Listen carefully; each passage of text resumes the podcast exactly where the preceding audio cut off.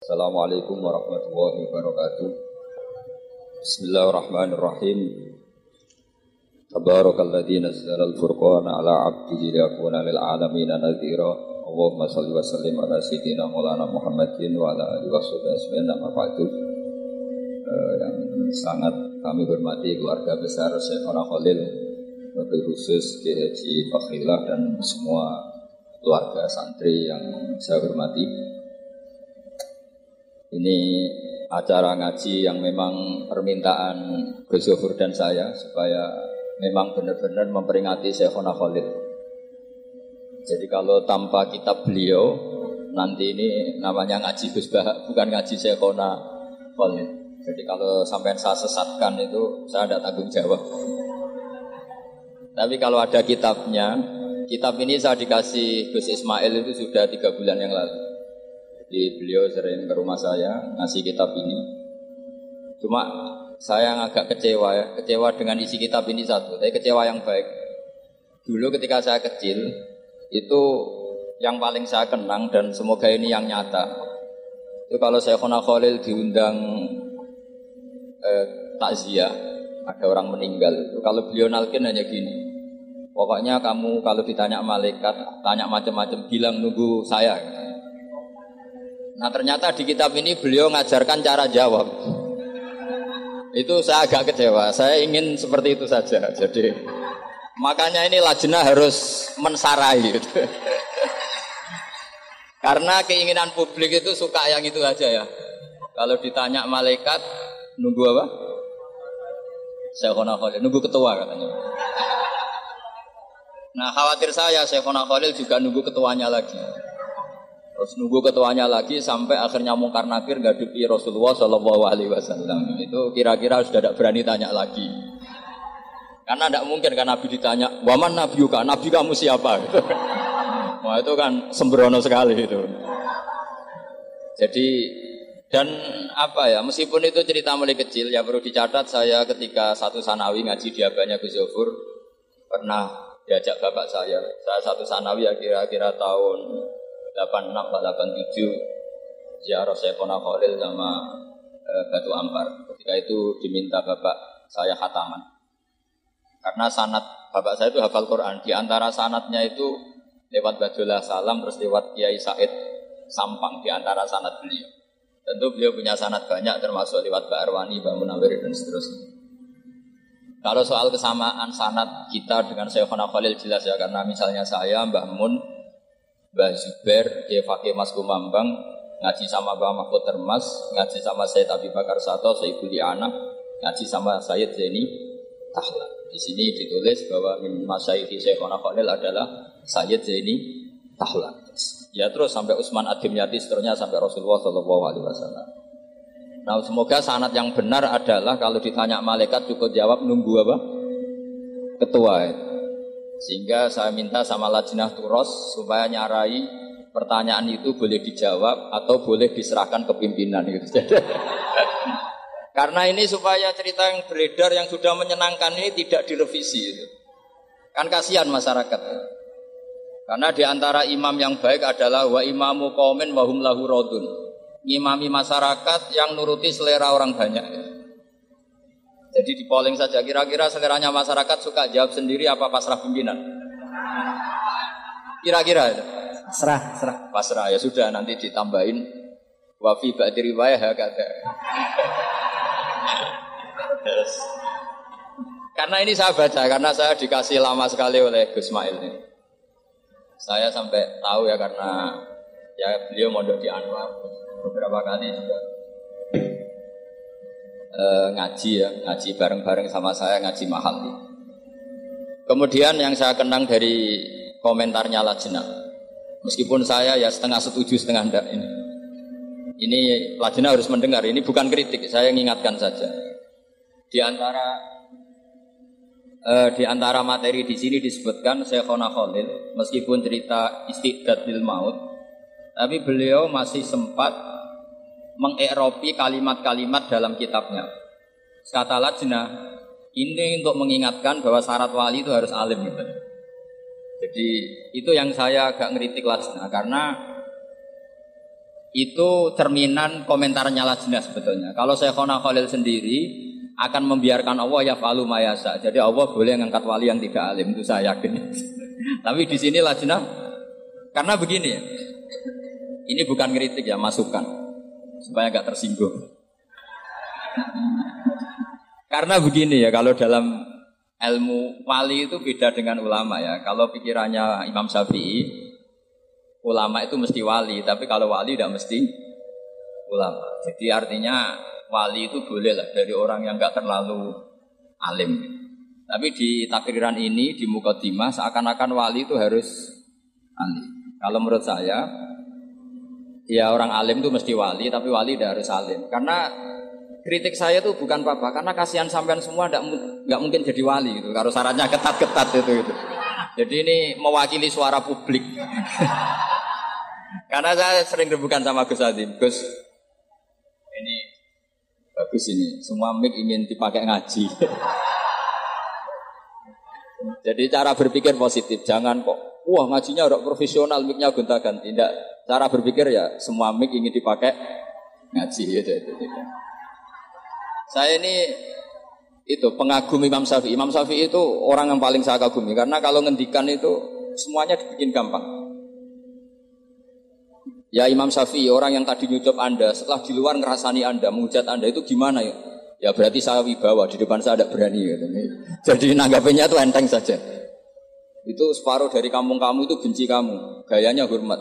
Ya baguslah kalau benci. Kalau benci ya gak akan utang duit katanya. Orang tuh kalau neng-nengan itu kan nggak akan minta tolong. Kamu pernah diutangi orang yang benci kamu? Tapi kalau teman, wah bahaya sekali itu. Jadi Imam Syafi'i itu enak saja melihat hidup itu gampang saja. Eh, saya teruskan ya pentingnya alim nahwu ya.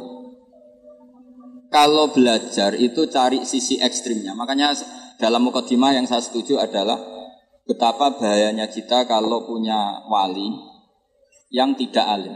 Meskipun wali tidak harus alim-alim banget, tapi kita tentu melihat Syekhona Khalid itu orang alim yang wali, bukan wali yang alim. Itu beda. Orang alim yang wali, bukan wali yang alim. Tapi orang statusnya alim dulu, baru min lawazimil alim beliau itu wali. Nah ini kenapa penting? Karena begini, saya ini kan nekuni Quran ya, karena bapak saya hafal Quran, saya harus nekuni Quran. Itu trauma terburuk dalam sejarah Islam itu sebenarnya masalah lahnal khitab atau lahnal kalam. Itu sejarah terburuk. Sehingga masyur awal dikarangnya Nahwu karena ada orang Arabi ketika ketemu Sayyidina Umar, kila Sayyidina Ali, dia frustasi gitu tidak akan dapat rahmat dari Allah karena cara baca dia inna wa bari minal musyrikina wa rasulih dia baca Allah itu tidak punya urusan dengan orang musyrik juga tidak punya urusan dengan Rasul karena dia baca dengan jer diatafkan minal musyrikin. Sehingga yang masyur itu dibenarkan oleh Sayyidina Ali. Kemudian beliau mutus Abdul Aswad Adu Ali untuk ngarang nahwu. Itu kata cerita yang terkenal. Tapi cerita itu sebetulnya agak agak separuh salah. Mohon lajnah membenarin. Jadi sebagian riwayat itu agak diprovokasi sebetulnya. Abdul Aswad itu orangnya sufi. Sufi wali kumul. Dia disuruh ngarang nahwu nggak mau. Terus si Amir saat itu kila Sayyidina Ali menyuruh orang disuruh salah di depannya. Jadi itu agak-agak drama. Menyuruh orang yang disuruh salah di depan. Ketika salah tadi, kesimpulan tadi, inna wa bari umminal musyrikin wa rasuli, terus kamu datang ke rumah saya, kamu saya ajarin. Ini bahaya sekali kalau Quran kamu baca model gini. Sehingga terus dikarang bab ataf pasti. Jadi ada versi dua, yang satu nganggap itu alami, yang satu memang karena Abdul Aswad nggak mau ngarang nahu.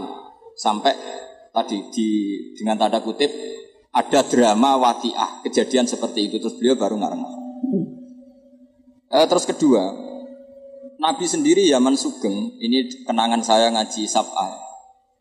Nabi itu zaman Sugeng sebetulnya beberapa luhut, meskipun ini bukan riwayat yang yang valid-valid amat itu ada orang yang kalau manggil Nabi itu bukan ya Nabi Allah, tapi ya Nabi Allah. Meskipun kesalahan ini bagus. Sehingga Imam Asim mengatakan sebetulnya kiroah bil hamzi itu sah. Karena lafat Nabi Allah itu bukan mahmus ya, tapi eh, bukan nakis ya, tapi mahmus eh, lam. Saya ulang lagi ya. Jadi sebetulnya kalau kita fair kan naba'a yang ba'u naba'an itu mah muslam. Karena Nabi itu man naba'a anillah, orang yang menceritakan tentang Allah. Maka harusnya ya ya Nabi Allah. Buktinya fiilnya pakai Nabi ibadi. Pakai Hamzah. Nabi ibadi. Ceritakan ke hambaku. Ani anal ghafurur rahim. Wa nabbi'hum an Ibrahim. Sehingga dalam kiro asabah kalau Imam Nafek baca itu wan nabiin Bukan wan nabi tapi wan dan itu ngenakkan kita. Ngenakkan kita itu begini. Andai kan tidak ada bacaan seperti itu, maka kita akan mengira huzuan itu nakis wawi. Padahal tidak, dia mahmus lam. Buktinya ketika mati haza'ah haza'u hus'an. Allahu yastahzi'u pakai hamzah. Andai kan tidak ada kiro asap, maka orang ngira itu nakis wawi dan sama nyari kamus nganti mati, hidup mati lagi, hidup mati lagi gak ketemu. Ketemunya itu di Mahmus. Sehingga saya suka kalau ada wali atau lama ngarang nahu itu suka. Saya termasuk suka baca nahunya Syekhona Khalil. Dulu ketika saya kecil terkenalnya Syekhona Khalil itu bisa mengalfiahkan menjadi ilmu hakikat atau menghakikatkan alfiah. Begitu juga Kiai Jazili Peloso. Dan itu ketika kita sudah hafal alfiah, hafal terus paham, itu memang benar-benar itu jadi nasihat yang luar biasa. Contoh-contoh yang ada di Alfiah. Nah, kenapa itu penting? Karena andai kan tidak ada kiroah sab'ah, kita itu tidak pernah tahu kalau kufuan itu mahmuslam. Tapi kalau ada yang baca kufan atau kufuan, kan terus enak gitu. Dan Allah tidak ada siapa pun yang menyamainya. Makna menyamai itu kan dari kufan, bukan kufuan. Karena kalau kufuan kita anggap kayak huswan atau apalah yang kira-kira mirip-mirip nanti suami. Artinya begini, jangan sampai orang yang punya otoritas ilmu itu gak ngerti sorof. Itu. Nanti bahayanya nanti nakis dikira mahmus, mahmus dikira nakis. Itu betapa bahayanya. Saya itu punya kitab yang di situ diceritakan ironis-ironisnya atau naifnya Kori yang baca secara salah. Punya banyak kitab lah tentang Di antaranya adalah ada seorang khotib itu pas khutbah baca ayat wala tangkihul musyrikati hatta yu'min wala amatum mu'minatun khairum min musyrikati walau ajabatkum. Terus dia masih baca wala tangkihul musyrikina hatta yu'minu, masih baca bi fathita. Sehingga maknanya menjadi begini. Wala tangkihulan ojo nekai sira kabeh para lelaki. Kowe ojo nekai al musyrikin ing lanangan-lanangan musyrik. Jadi semua yang Arabi itu bilang, kebetulan si pinggirnya Arabi tadi ulama. Kalau ndak jadi masalah besar. Apa betul itu Quran? Kalau Quran seperti itu hebatnya di mana? Karena berarti kan maknanya wahai para lelaki muslim jangan menikahi lelaki musyrik.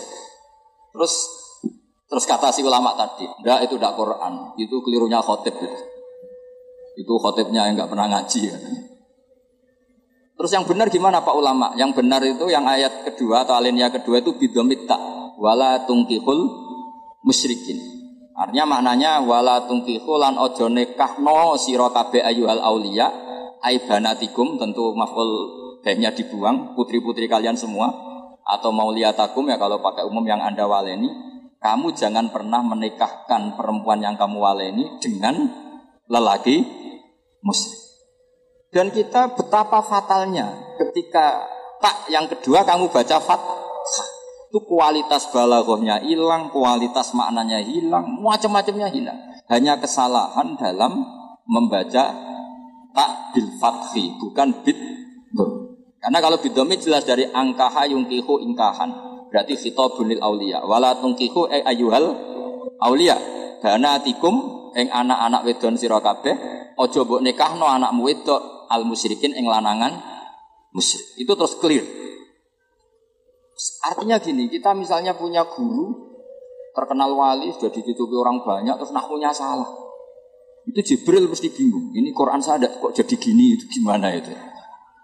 Kan kan kecewa kan nurunkan dengan afsohil lughat dengan kelas terbaik kemudian dibaca dengan secara salah fatalnya lagi kalau salah digowirit mandi lebih parah lagi Karena nanti yang baca benar gak, gak, gak berani karena takut gak mandi. Makanya saya seneng kalau ada ulama kayak Syekhona Khalil terkenal wali tapi juga terkenal an -nahwi. Saya dulu ngaji Bahmun itu Jamul Jamek loh, kitab yang bulatnya Masya Allah. Seneng saya sama ngaji ulama yang kitab-kitab nahu yang bulat-bulat. Bahmun itu sampai sepuh ya baca Ibnu Akil, sampai sepuh. Itu memang seakan-akan jadi peringatan bahwa syaratnya ulama yang jadi wali, bukan wali yang menjadi ulama, itu memang harus mutabakhir bilughatil arabiyah atau bilisanil arabi. Kalau istilahnya Quran itu bilisanil arabi. Wa innahu latanzilu rabbil alamin nazala bi ruhul amin ala qalbika litakuna minal mundirin bilisanin arabiyyin Jadi kalau ini di kitab Istidadul Maut maupun Takriratu Saikhina Khalil itu tetap harus dianalisis sebagai tadi. Jadi ngaji nahwu itu adalah dimulai karena cari ekstrimnya. Termasuk mahduf. Mahduf itu harus dipelajari. Di sini saya juga baca banyak tentang mahduf. Meskipun beliau tidak menyontohkan yang ekstrim. Tapi kalau saya suka menyontohkan yang ekstrim. Misalnya begini. Sampai yakin Fatihah itu kalamu apa enggak? Kalamu kan? Coba kalau tanpa mahduf Allah ngendikan pada Nabi Muhammad iya karena budu. Muhammad kepadamu kami menyembah juga. Berarti Allah menyembah Nabi Muhammad. Betapa bahayanya kalau kita agak ngerti nahwu. Bahwa dalam sekian lafat kadang ada mahdzuf, ada muqaddar. Maka semua tafsir mesti mengingatkan. Wa yuqaddaru qabla qaulihi ta'ala iya karena butuh kulu. Karena itu satu-satunya cara.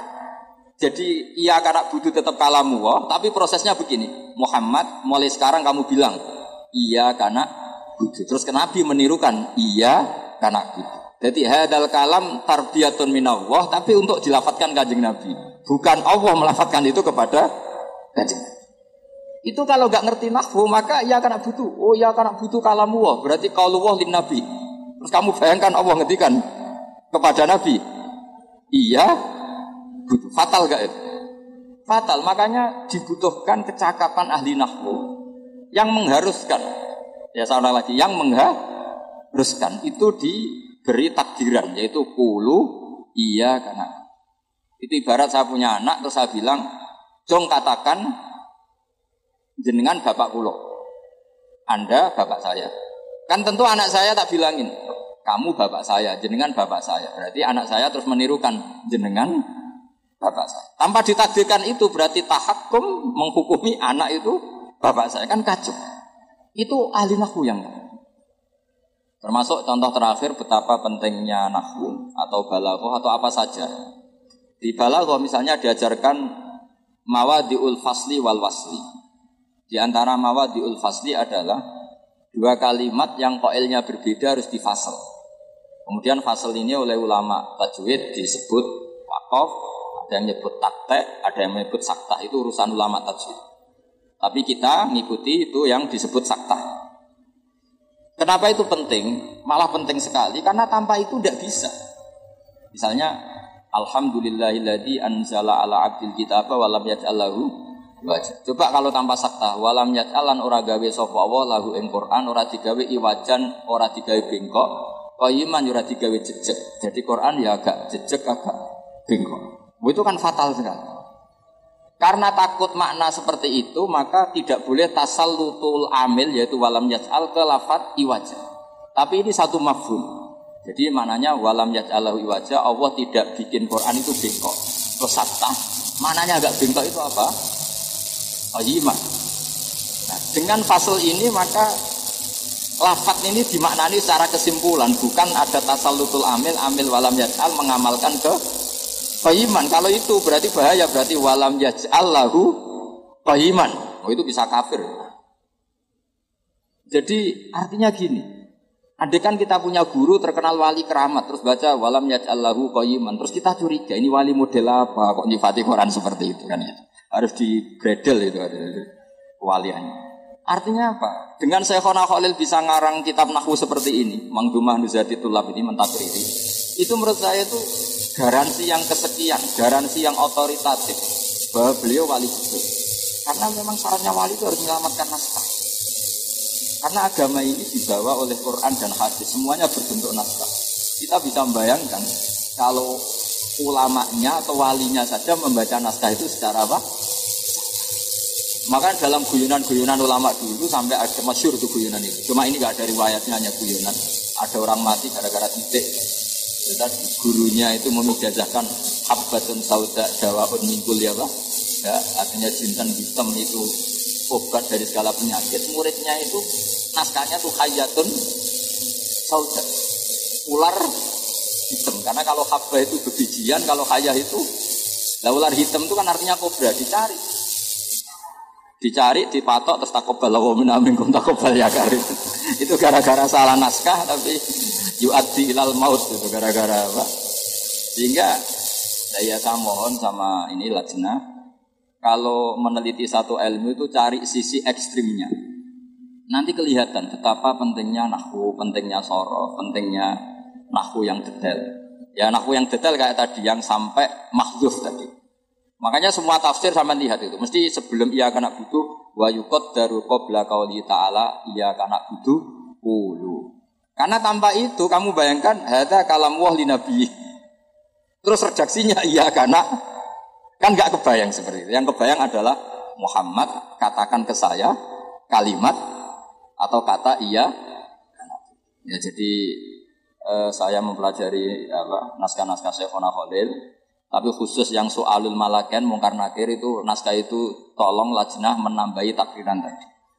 Supaya menguntungkan kita. Gunanya apa? Kita kalau seneng wali tapi tidak dapat untungnya kan gitu. Karena kita semua ini ibadah tujar. Mau loyal ya kalau ada untungnya. Kalau enggak ya enggak. Ya saya kira demikian. Assalamualaikum warahmatullahi wabarakatuh.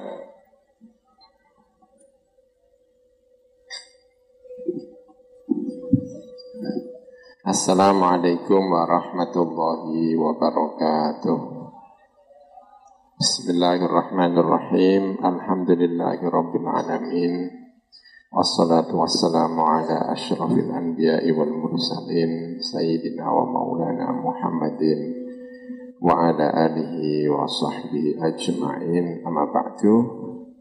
Yang terhormat keluarga besar Syekhona Khalil Kiai Fakhrillah yang saya hormati, Gus Abdul Azim yang saya hormati, Gus Baha, Gus Ismail, semua para alim ulama, para santri yang hadir di majelis ilmu ini.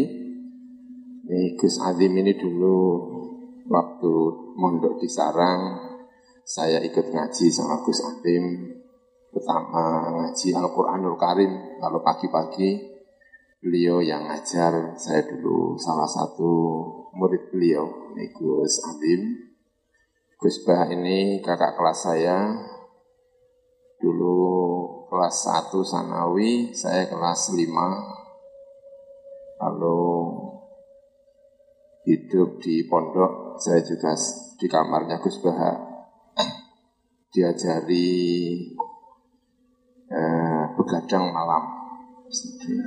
Saya tahu begadang malam ini ya karena Gus hidupnya agak aneh. Tidur jam habis isya setiap jam 12, jam 1 bangun terus ngobrol karena Baha hampir lama sekali mungkin satu periode. Sama Gus jadi diajari hidup kayak kalong dia. Kalau malam bangun terus pagi-pagi sekolah ya Alhamdulillah. Sama dengan Gus Azim itu dulu kalau di pondok ngajinya itu jam berapa Gus? Jam satu malam.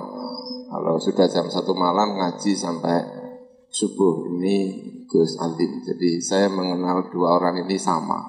Ngajak bangun jam setelah jam 12 itu jam satu malam. Saya punya tradisi dulu kelas 5 Ebida itu kalau jam satu itu diajak bangun sama uh, Gus Bah ini dan ini Masya Allah, jadi Alhamdulillah kita ketemu dengan orang alim-alim ini di majelis ini. Senang sekali karena kita di apa suguhi karya Syekhona Khalil. Ya, karena tokoh spiritual besar ya Mbak Khalil Bangkalan ini tokoh spiritual besar. Seluruh nabi, karena ulama itu warasatul anbiya ya.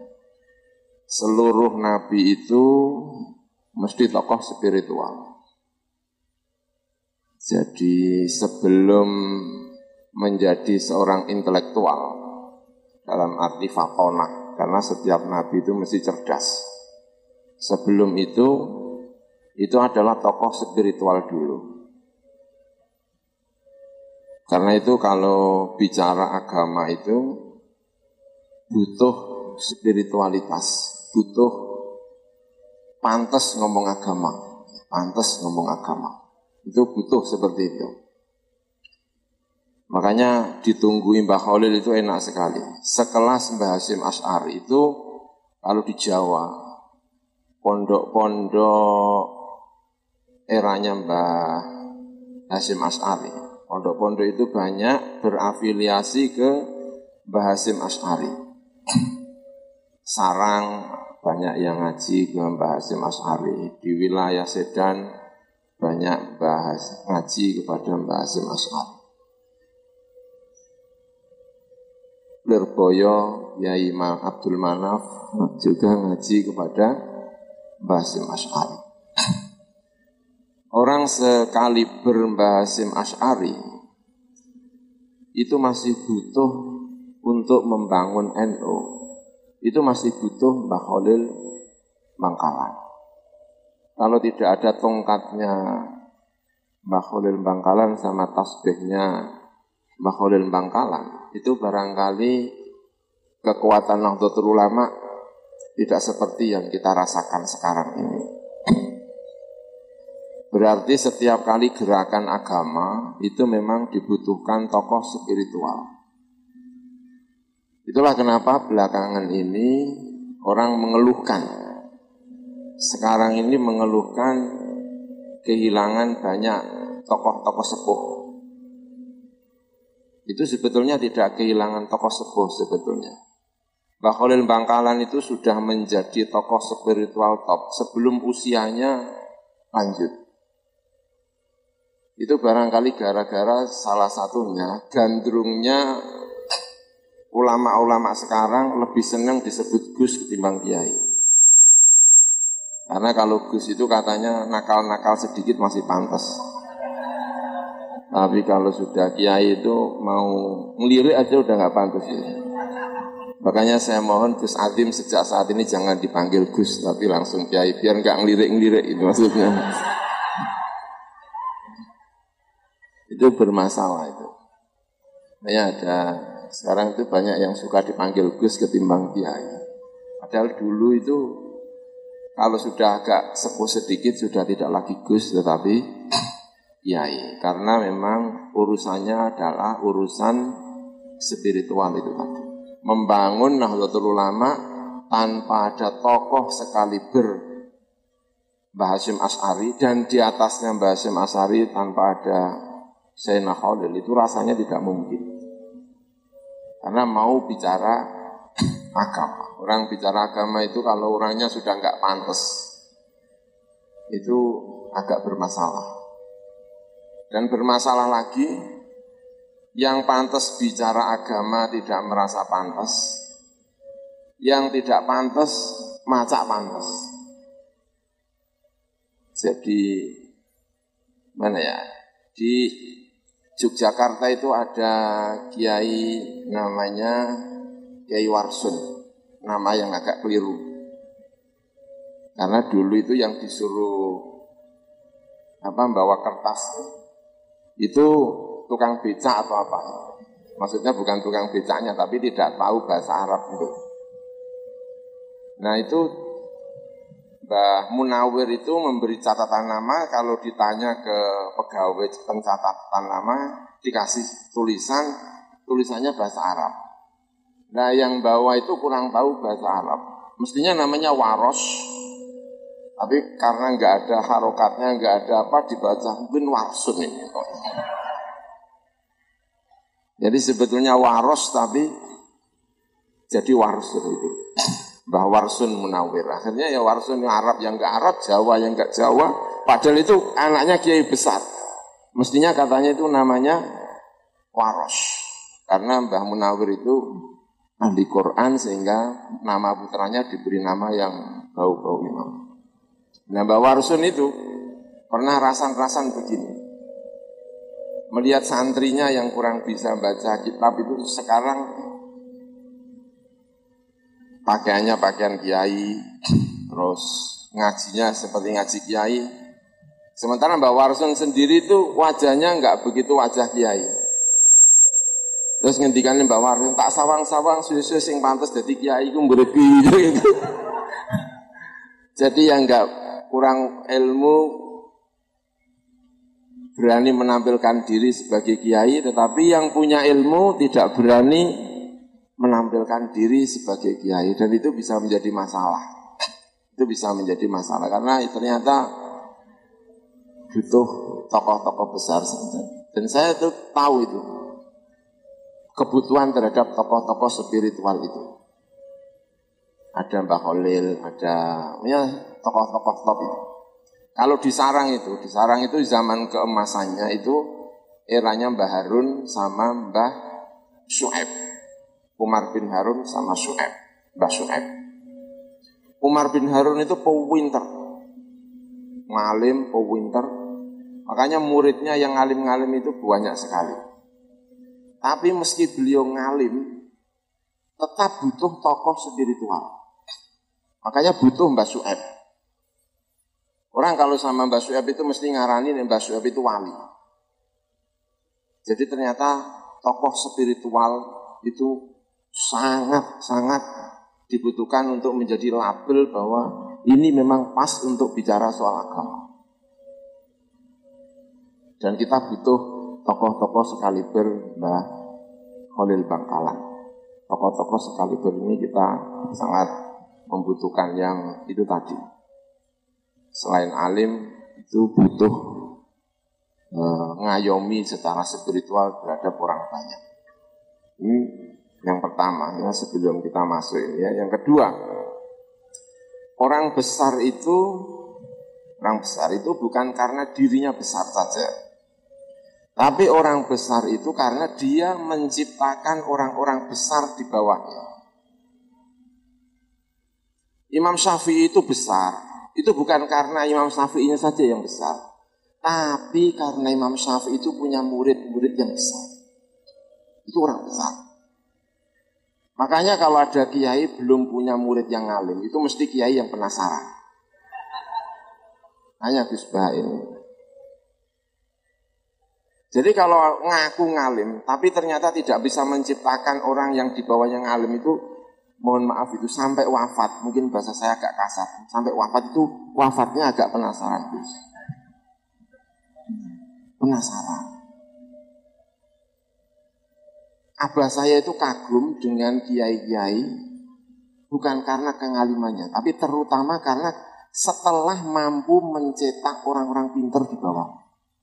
Dan itu menjadi cita-cita besar abah saya. Dia caranin dua murid sing pinter-pinter sak donga-dongane sak pikiran-pikirane itu muga-muga santriku pinter-pinter. Dan salah satu tokoh besar yang menciptakan orang alim-alim itu adalah Mbah Khalil Bangkalan. Kenapa Mbah Khalil Bangkalan begitu besar di Jawa, di Madura, di mana-mana? Itu bukan karena ngalimnya saja, tapi karena ngalim-ngalimnya santri-santri. Laula talamizu al-imam asy-syafi'i lama arafna asy-syafi'i.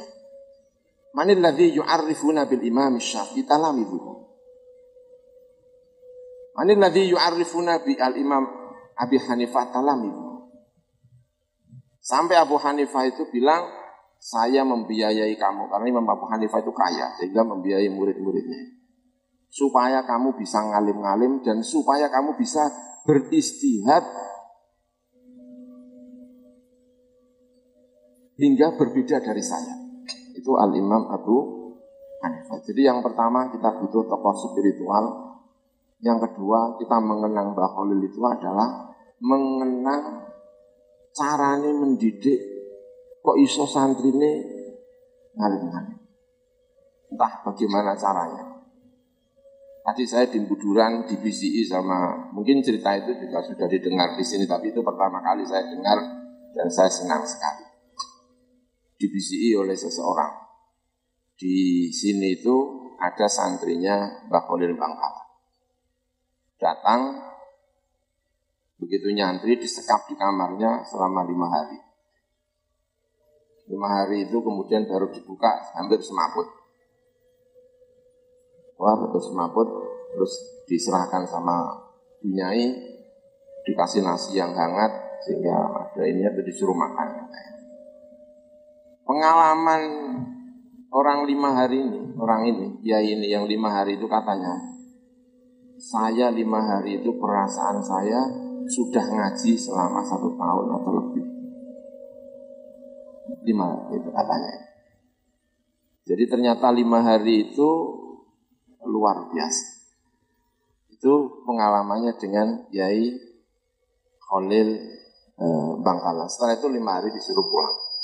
Tapi perasaannya lima hari bersama Mbak Khalil itu perasaan saya sudah satu tahun atau lebih saya lupa tadi bilangnya seperti apa itu di ya jadi ada nilai-nilai seperti ini itu yang luar biasa dari eh, Mbak Khalil dan semoga tapi ya jangan dicoba ya.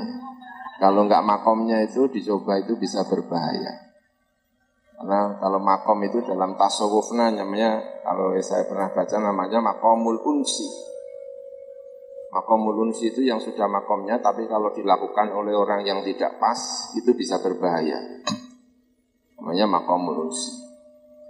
Kayak, nah siapa namanya, Nabi Musa salam setelah diajak bicara sama Gusti Allah lalu kangen sama Gusti Allah terus ngendiko Robbi arini andur ilaik. Itu kalau yang ngendiko Nabi Musa ya produk pantas. Tapi bayangkan kalau santri kelas sanawi terus Robbi arini andur ilaik. Eh, kepangan bledek temenan iki. Masuk karo Gusti Allah kok Gusti semoga engkau menampakkan diri. Itu namanya makomul unsi itu disampaikan oleh Nabi Musa itu pantas, tapi disampaikan oleh yang tidak Nabi Musa tidak pantas itu namanya kalau saya baca namanya makomul unsi. Makanya saya kalau ngaji mendengar ngaji Gusba itu saya pikir Gusba ini wali apa gimana ya. Soalnya kadang-kadang itu kayaknya kok pantas kalau yang ngomong Gusba, tapi kalau saya kok nggak pantas gitu kan ada makom-makom tertentu yang pantas untuk orang. Tahu tukang pijitnya kiai? Tukang pijitnya kiai itu orang paling berani sama kiai. Sampai kiai ngomong tidak pan, tidak pantasnya kiai itu ya pijit Pak Kiai, jenengan tadi jalan-jalan kurang pantas kiai. Itu kalau tukang pijitnya pantas. Tapi bayangkan kalau santrinya, kiai jenengan tadi itu jalan-jalan nggak pantas, itu suhu adab sekali. Berarti ada sesuatu yang itu tidak sul adab, tetapi dilakukan oleh orang lain itu sul adab. Itu karena saking akrab. Tukang pijit itu apa saja sama kiai itu pantas. Kiai jenengan ambune kok ranti boten enak. Itu kalau tukang pijitnya itu pantas. Pantas ya, saya itu pantas. Tapi bayangkan Gus Azim sama Mbah Maimun, Mbah jenengan, oh, belas ora pantas. Tapi kalau tukang pijat itu pantas. Namanya makomul. Nah itu doa-doa itu juga seperti itu. Makanya ada Dalam Al-Quran itu ada doa-doa, dalam kajian Nabi juga ada doa-doa yang itu makomul unsi kadang-kadang tidak pantas untuk uh, kita lakukan. Nggak tahu tadi kalau cerita tentang makomul unsi ini ya. ya. Jadi termasuk orang yang paling berani sama kiai itu mesti bunyai ya karena saking makomul unsi saya pernah baca kancing nabi itu pernah salah masuk kamar saya pernah baca itu ya wallahu alam jadi hari ini giliran istri yang keberapa masuk ke istri yang keberapa konangan yang saat giliran itu yang seharusnya itu. Itu kanjeng Nabi mau masuk itu dikunci dari dalam. Jadi kalau ada kiai kok dikunci istrinya itu ya anggap aja lah aku kajian Nabi ya tahu. Gitu aja gampang. Sama kayak Gus tadi urip itu gampang. Saya juga gitu kalau istri saya pure ah, kajian Nabi tahu diburi ibu juga. gampang. Jadi sederhana, ya. Mungkin juga kiai-kiai itu seperti itu. Ya ini tentang apa namanya. Jadi yang pertama tadi saya pesan itu tadi ya, pokoknya satu kita buku yang namanya kiai yang spiritual ya. Jadi kalau saatnya sudah tidak dipanggil Gus harus kiai harus terima. Karena malu tokoh ini sangat-sangat dibutuhkan. Dan ini menjadi kunci kenapa kita sering belakangan ini dengar kita kehilangan kiai-kiai sepuh. Sebetulnya tidak kehilangan kiai-kiai sepuh ya, tetapi yang sepuh tidak mau menyepuhkan diri. Bayangkan ya, Mbak Wahab itu mendirikan NU itu tahun 1926. Lahir tahun 1888. Itu artinya ketika mendirikan Nahdlatul Ulama, umurnya baru 38.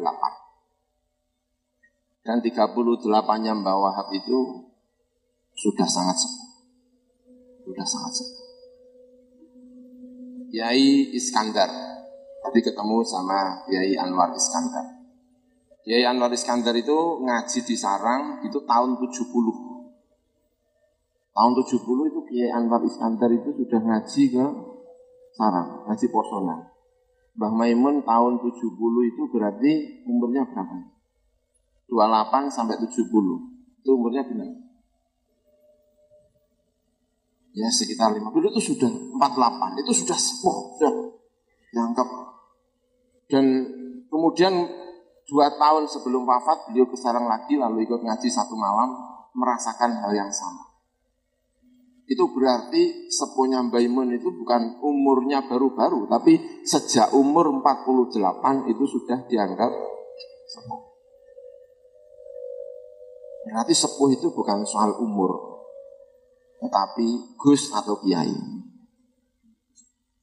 Soalnya kalau sudah Kiai itu ya itu tadi lirik sidik gak pantas. Ya. Kan. Kalau Gus itu kan pena. Hari ini Gus, besok aparan, ya agak pantas yang namanya Gus. Ya kan beling-beling dikit yang namanya juga Gus. Gimana ya Om Gus itu kan dianggap salah masih wajar. Ya kemudian Kiai ini melahirkan Kiai. Tokoh-tokoh besar di Indonesia seperti Mbak Asim As'ari, Mbah Khalil Bangkalan, Koyo-koyo angger dadi murid Mbah Khalil Bangkalan mesti jadi ya koyo-koyo. Walaupun saya tidak tahu secara pasti tapi koyo-koyo ngaji Mbah Khalil Bangkalan itu mesti jadi ya pasti dua hal ya. Kemudian saya baca ini ya dikasih siapa tidak ketemu Mas Kusyairi terima kasih ini membawa kitab apa namanya ini uh, kita isti'dadul mauti fil hafi ala dzikril mauti wa fiqhil jenazah. Kitabnya saja sudah menunjukkan kalau beliau itu tokoh spiritual hebat, pasti. Gak kebayang kalau saya punya karangan judul kitab namanya Istiqdadul Maut. Karena wajah itu ada yang pantas, ada yang tidak pantas. Ngomong mati pantas, kalau ngomong mati orang pantas. Itu ada. Makanya Allah menciptakan Nabi Musa sama Nabi Harun. Nabi Musa itu kuwereng ira karo karuan, Nabi Harun itu lemah lembut. Ana wong nakal sidik didelok Nabi Musa mesin berdek langsung mari. Tapi nek didelok Nabi Harun ya masih berani. Makanya begitu Nabi Musa datang melihat kaumnya nyembah pedet, jenggotnya dicekel, rambutnya dicekel, kue gak ngawasi Nabi Harun disuruh kereng seperti kerengnya Nabi Musa. Ya ndak bisa. Nabi Harun langsung mendiko innal qawma afuni wakadu yaktulunani wakatu yaktulunan. Aku mbok kon kereng-kereng iku gak iso Musa. Kenapa kok gak iso kereng? Aku nek kereng iku tambah ketok koyo lucu. Gak bakat. Itu tidak bisa. Jadi dari dulu itu juga sudah ada yang model Nabi Musa, model Nabi Harun. Jadi ono wong kiai ku sing lemah lembut iku nek nek ketok kereng itu tambah wong dong guyu. Ono. Kayak saya ini kan apa kereng itu kudu guyu. Ada itu dari dulu itu juga ada yang yang seperti ini. Dia sudah diciptakan memang seperti itu. Ini juga begitu. Judul karangan itu ya agak agak sedikit-sedikit tercampur bahasa Jawa. Tapi ternyata ini pakai bahasa Jawa. Ya. Judul itu itu sudah menunjukkan kalau pengarangnya itu memang pas untuk bicara soal ini. Cobalah sekali-kali yang hadir ini diundang pidato, diundang ceramah, terus bicara mati. Bapak-bapak mati itu medeni. Wong-wong itu orang wedi tapi taman guyu. Mergo wajahe wajah dunia lah lagi sebaik tenang lagi wong mati itu kan. Ini tuh kitabnya itu sudah menunjukkan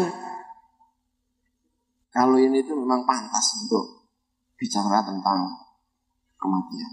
Eling mati, eling ini. Itu memang Suriah ya memang begitu itu. Suriah. Nah kalau Tanfidia bicara mati itu ya agak repot. Habis bikin kerja apa namanya program kerja, mari kita bicara ekonomi, besok kita membuat toko-toko, setelah setelah selesai terus tapi jangan lupa ya, kita ini akan cepat mati juga. Oh, enggak enggak beres, enggak beres itu enggak kerjaan tanfidia. Ini pekerjaannya suriah. Makanya kitab Isti'jadul Maut ini memang kalau kitab itu kitabnya apa? Suriah. Bukan kitabnya tanfidia. Bayangkan kalau ini yang mukor apa yang nakrel ini kan Gus Muhammad Khalil ini, ya, Rah Muhammad Khalil ini kan. Bayangkan kalau Rah Muhammad Khalil yang mati terus itu nggak jadi nih. Ya, nah ini memang kitab-kitab model apa? Surya. Dan itu dibutuhkan sekali. Sangat-sangat dibutuhkan. Suriah bicara seperti ini itu sangat dibutuhkan. Ini tasiling mati nggih. Bayangkan ya, ketua Tanfidia mantan ketua Depak Misalnya terus tiba-tiba khusyuk terus bicara apa? Kematian itu kadang-kadang tambah lucu karena tidak makomnya. Karena tidak apa? Tidak makom. Ini juga. Mari bicara tentang uh, wafat. Amal dibagi dua, ada amal soleh, ada amal toleh, lalu disuruh untuk bicara tentang kematian.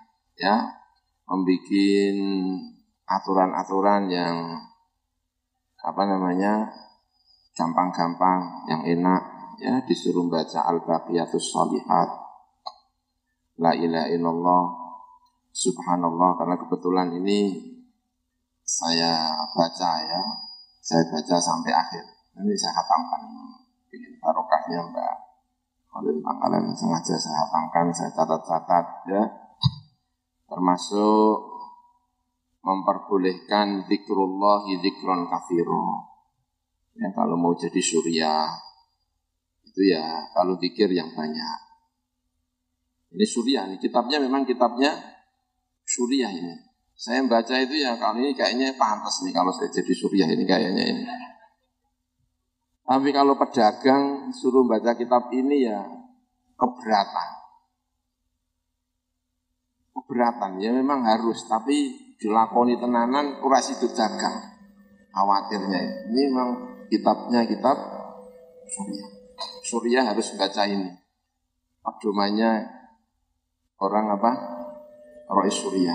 Bisadim ini harus pedoman ini sudah saya ya mungkin pedoman dikit-dikit lah ya Roy Surya Roy Surya ini wajib membaca ini pikirnya yang banyak Karena sebagian orang itu tidak boleh melaksanakan menurut sebagian, terutama orang-orang Wahabi, mohon maaf. Kalau wong kok dikira Jawa-Jawa itu piye to? Dikir itu gak oleh Jawa-Jawa. Ya enggak ya. Al-Qur'annya ditegaskan uzkurullaha dzikran ditegaskan sama uh, Syekhona Khalil bahwa zikir itu ternyata boleh panjang. Maca la ilaha illallah ping sewu. Ya maca kalau di Al Anwar pusat, karena saya di Al Anwar itu Al Anwar 3. Kalau di Al Anwar pusat itu zikir itu bisa 200 maca tasbih la ilaha illallah pagi-pagi bisa muter sampai ping 2 ping 3. Tapi kalau saya paling kuat itu satu putaran. Suryahnya belum sampai ke sana. Dipaksakan malah berbahaya. Bisa ngantuk, bisa santrinya bubar. Ya ini saya kuat, santri ini pelira pelire. itu mutarnya sampai tiga kali itu kalau di pusat. Dikron kafir. Gitu ya. Kemudian ada ajaran tentang al-baqiyatus salihat. Lalu pesan dengan sungguh-sungguh ada at-taubatu wal istighfar qabla al-maut. Ya ini ajaran-ajarannya siapa enggak? Eh, Khalid. Diusahakan at-taubat wal istighfar qabla al-maut. Memang ya harus di tapi tidak bisa direncanakan. Nanti aja lah. Sebelum mati saya tak tobat. Sekarang tak jadi gus dulu. Ya nih kematian itu bisa datang uh, setiap saat. Ya semoga jadi orang baik. Amin ya robbal alamin. Al baqiyatus solihat ya ini. Saya sih seneng ngaji-ngaji yang enak-enak ya. Istighfar ya dilakukan dengan baik ini ya. Kemudian ada ajaran lagi dari Syekhuna Haulil tentang kitab ini Hadis yang terkenal lakinu mautakum la ilaha illallah. Kalau ada orang mati disuruh mentalkin la ilaha illallah. Kalau ada mau orang mati beri harapan-harapan agar bisa mengucapkan la ilaha illallah dengan tenang. Ya, orang yang punya harapan tinggi itu membaca la ilaha illallah dengan tenang. Makanya kalau dalam hal ini saya manut sama Gus Baha. Punya perasaan bahwa kita ini jadi orang soleh. Sehingga mengucapkan la ilaha illallah itu enak. Terutama kalau mau mati. Makanya kalau ada orang mati, jangan diingatkan jelek-jeleknya. Kalau nungguin orang yang mau mati itu jangan diingatkan yang jelek-jelek. Eling ora tahu ngaplok aku. Iku apa mati sumpah. Apa ngomong la ilallah jadi kangelan. Tapi kalau ada orang mati ingatkan yang baik-baik, tenang. Kamu pernah jamaah sama saya, kamu orang baik. Senyum. Wafat dalam keadaan apa? Senyum. Makanya kalau ada orang mati, ini ajaran surya ya kan. Makanya kalau ada orang mati, siapa yang berhak menunggui? Orang yang paling dekat yang bisa menghibur sing ngelingno api-apike. Ojo sampai musuhnya ditekakno. Bar saiki wah sumpek kabeh ngomong la ilaha dadi kangelan. Ajarannya Mbah Khalil mengikuti kanjeng Nabi kalau mau mati ingat yang baik-baik. Wakinu mau takum la Jadi ajaran-ajaran eh, Khalil ya. Kalau sudah benar-benar, ini saya baca ini biar kita tahu lah kitabnya Mbah Khalil ya. Kalau sudah yakin wafat ya seperti ini matanya di karena ini tuntutan-tuntunan yang sederhana saja matanya di pejamkan itu berarti kalau ada orang mati itu mesti melek ya. kadang-kadang kita itu tidak tahu ternyata orang mati itu meripati cenderung apa terbelalak tuh Orang yang mati cenderung mangap, ya kan? Kemudian ditutup. Itu halal yang sederhana ini diajarkan sama oh, dibaca itu menjadi enak. Orang tahu. Oh ya ini. Makanya eh, tulisan ini ini ya. Tulisan ini baru ditemukan ini ya kebayang nggak berarti ketika Mbak Holil itu nyat nulis nyerat itu kira-kira niatnya apa ya? kok sampai ora konangan saya kan nulis saja belum terbit sudah diumum-umumkan. Segera terbit karya saya yang kesekian. Mbak ini kok gak konangan ya, nulisnya bedinggo sopo ya. Niatin bopo itu ya. Niatin maksud. Terus saya cek ini ya, kita takrirat manzumatin nuzadi tulab. Saya tidak tahu Mbak Khalil dapat sarah manzumatin nuzadi tulab itu dari mana. Karena sampai sekarang saya cek itu Syarah Manzumati Tulaf itu tidak ketahuan pengarangnya siapa. Ada maktutot-maktutot syarah Manzumati itu tulisannya Nadim, Lam sama atau Goiru apa gitu. Ya, saya nggak tahu ini karya siapa mungkin karena itu tidak ada Manzumati Nuzari Tulaf li siapa ini yang siapa Manzumat tidak ditemukan maktutotnya ada di Saudi itu juga nggak ada pengarangnya siapa? Mungkin juga Holil itu ketika nulis ya, mau iki pengarangnya wayura konangan, ya wis aku nulis lah buat sing maca sapa ora ya wis penting untuk ganjaran. Bukan niat aku tak terbitno, kayaknya nggak kebayang gitu ya pokoknya ditulis muga-muga sebenarnya ikhlas apa gitu. Makanya ada kitab namanya kitab busi bawah. Kitab nahu paling terkenal itu kitab si bawah sampai Al-Imam Al-Jahid. Imam Al-Jahid itu mau pergi ke Al-Ma'mun atau siapa ke raja itu mau beli hadiah untuk rajanya. Dia bilang apa? Saya tidak menemukan hadiah yang lebih baik daripada kitabu si bawah saking kita. Itu namanya itu ya kitabu si bawah. Kenapa kok namanya kitabu si bawah? Karena sampai wafat itu belum tahu judulnya. Sekarang itu judulnya sudah hari ini khatam, tulisnya baru. Itu sampai terakhir belum terfikirkan judulnya apa. Sehingga orang-orang memberi nama pokoknya kita bisa. Belum ada judulnya.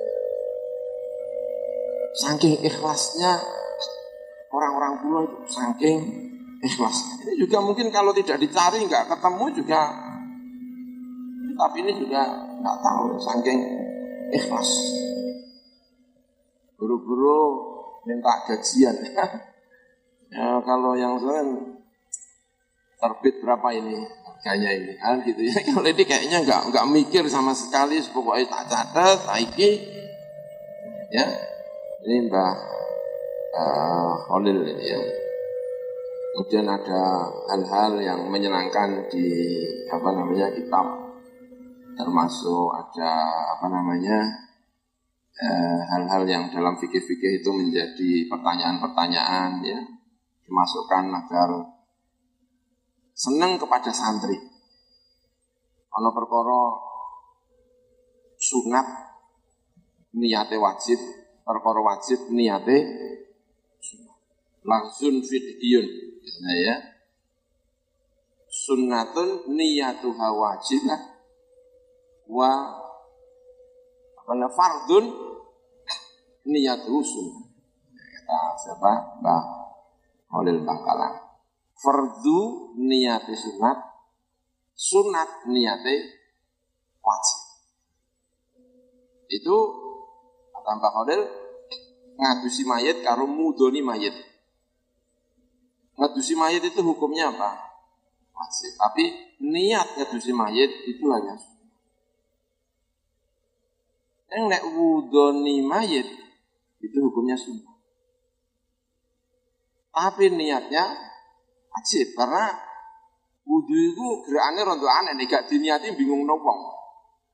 Itu kok mukanya diusapi terus tangan itu lapo ya.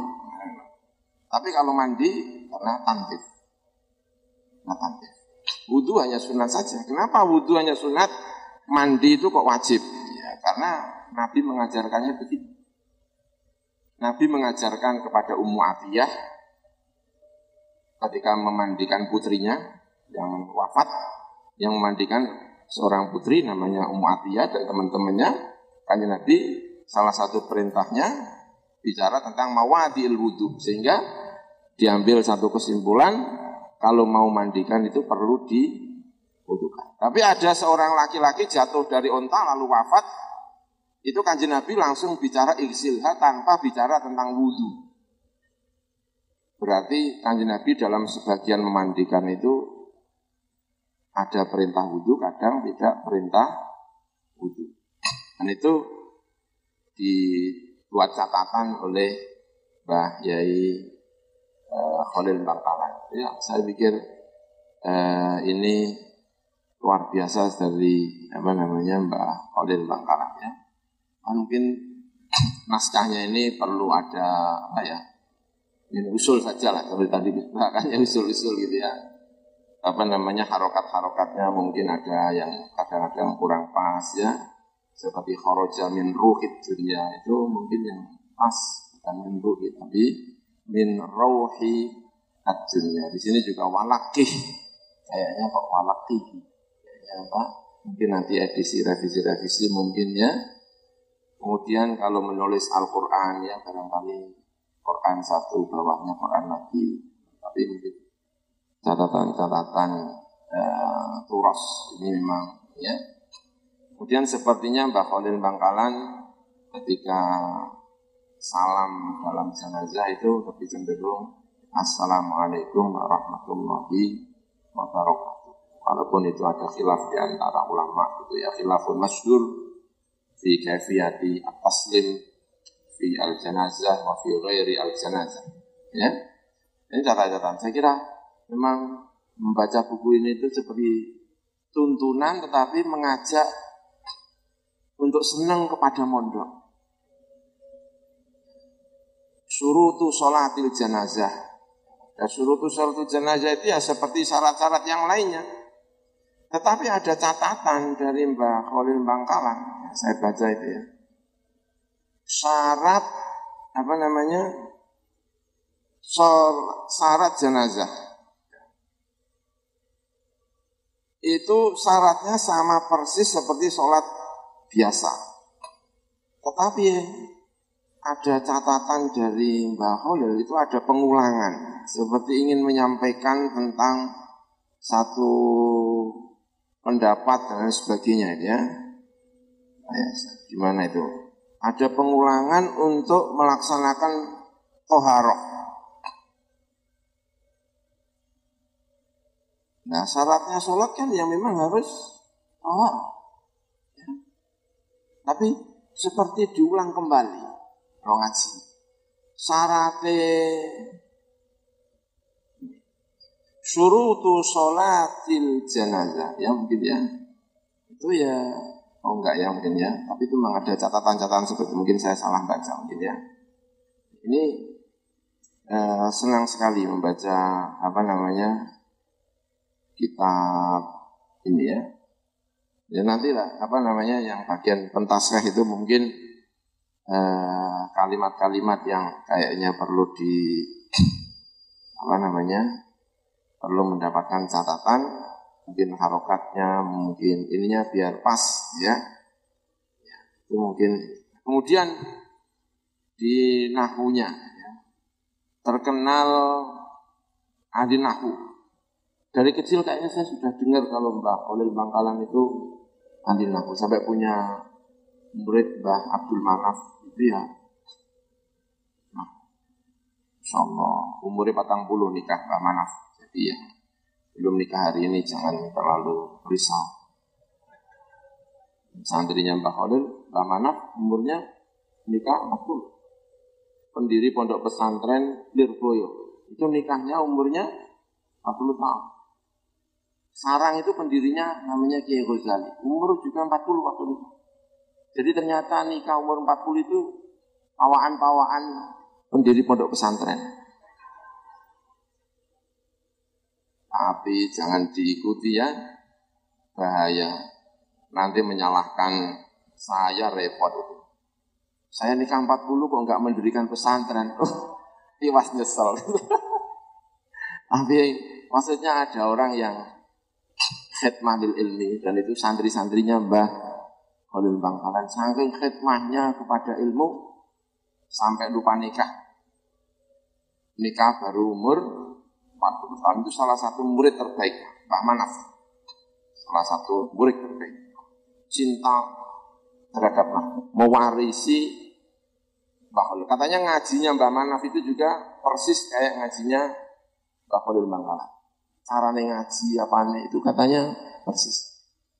Kenapa kalau ngaji itu salah satu yang sering diceritakan itu Mbah Manaf. Pokoknya mungkin kiai santri-santri yang kuno seperti Gus Adim ini sering dapat cerita Mbah Mimun kalau ngaji tentang Mbah. Itu karena memang alakonya dengan Mbah Manaf itu luar biasa dan ternyata Mbah Manaf itu banyak hal meniru Mbah Khalil Bangkalan. Jadi ya kalau dibikin sanat ya lumayan lah. Saya ini tampaknya punya sanat sama Mbah Khalil Bangkalan. Jadi saya ngaji sama Mbah, ngaji sama Mbah Manaf, Mbah Manaf ternyata muridnya Mbah Khalil Bangkalan. Jadi luar biasa ya. Saya membaca kitab apa ini takrirat membaca kitab Manzumatin Nuzati Tulab. Saya coba baca atasnya saja. Tidak membaca sarahnya untuk ngetes. Jangan-jangan aku ki cerdas orang. Ternyata saya kesulitan. Sulit sekali. Baru paham itu setelah baca takwirnya Mbak Khalil. Mau saya ingin coba nanti ya yang sudah punya kitab, tolong jangan baca sarahnya Mbak Khalil Bangkalan dulu, tes dulu untuk ngetes kemampuan otak kita itu loh. Nanti kalau ternyata pahamnya itu gara-gara tulisannya Mbah Khalil Bangkalan, saat itu terima kasihlah sama Mbah Khalil Bangkalan, baca Fatihah untuk Mbah Khalil maka betapa sulitnya. Takrib mandumat ini saya anggap sulit sekali. Sulit. Baru kebaca setelah baca takrirannya Pak Khalil. Dan saya senang lagi karena mengajak untuk berpikir. Berpikir, maksudnya apa ngajak berpikir itu? Menyebut nama si Baweh, menyebut macam-macam Masari, menyebut nama ini. Sehingga bikin penasaran. Kok bisa si bawah mengatakan bahwa ini itu siada? Kok bisa mengatakan ini itu apa? Ini kenapa mengatakan seperti ini itu? ada di penjelasan-penjelasan di Mbah uh, Khalil Bangkalan. Hanya uh, senang sekali ya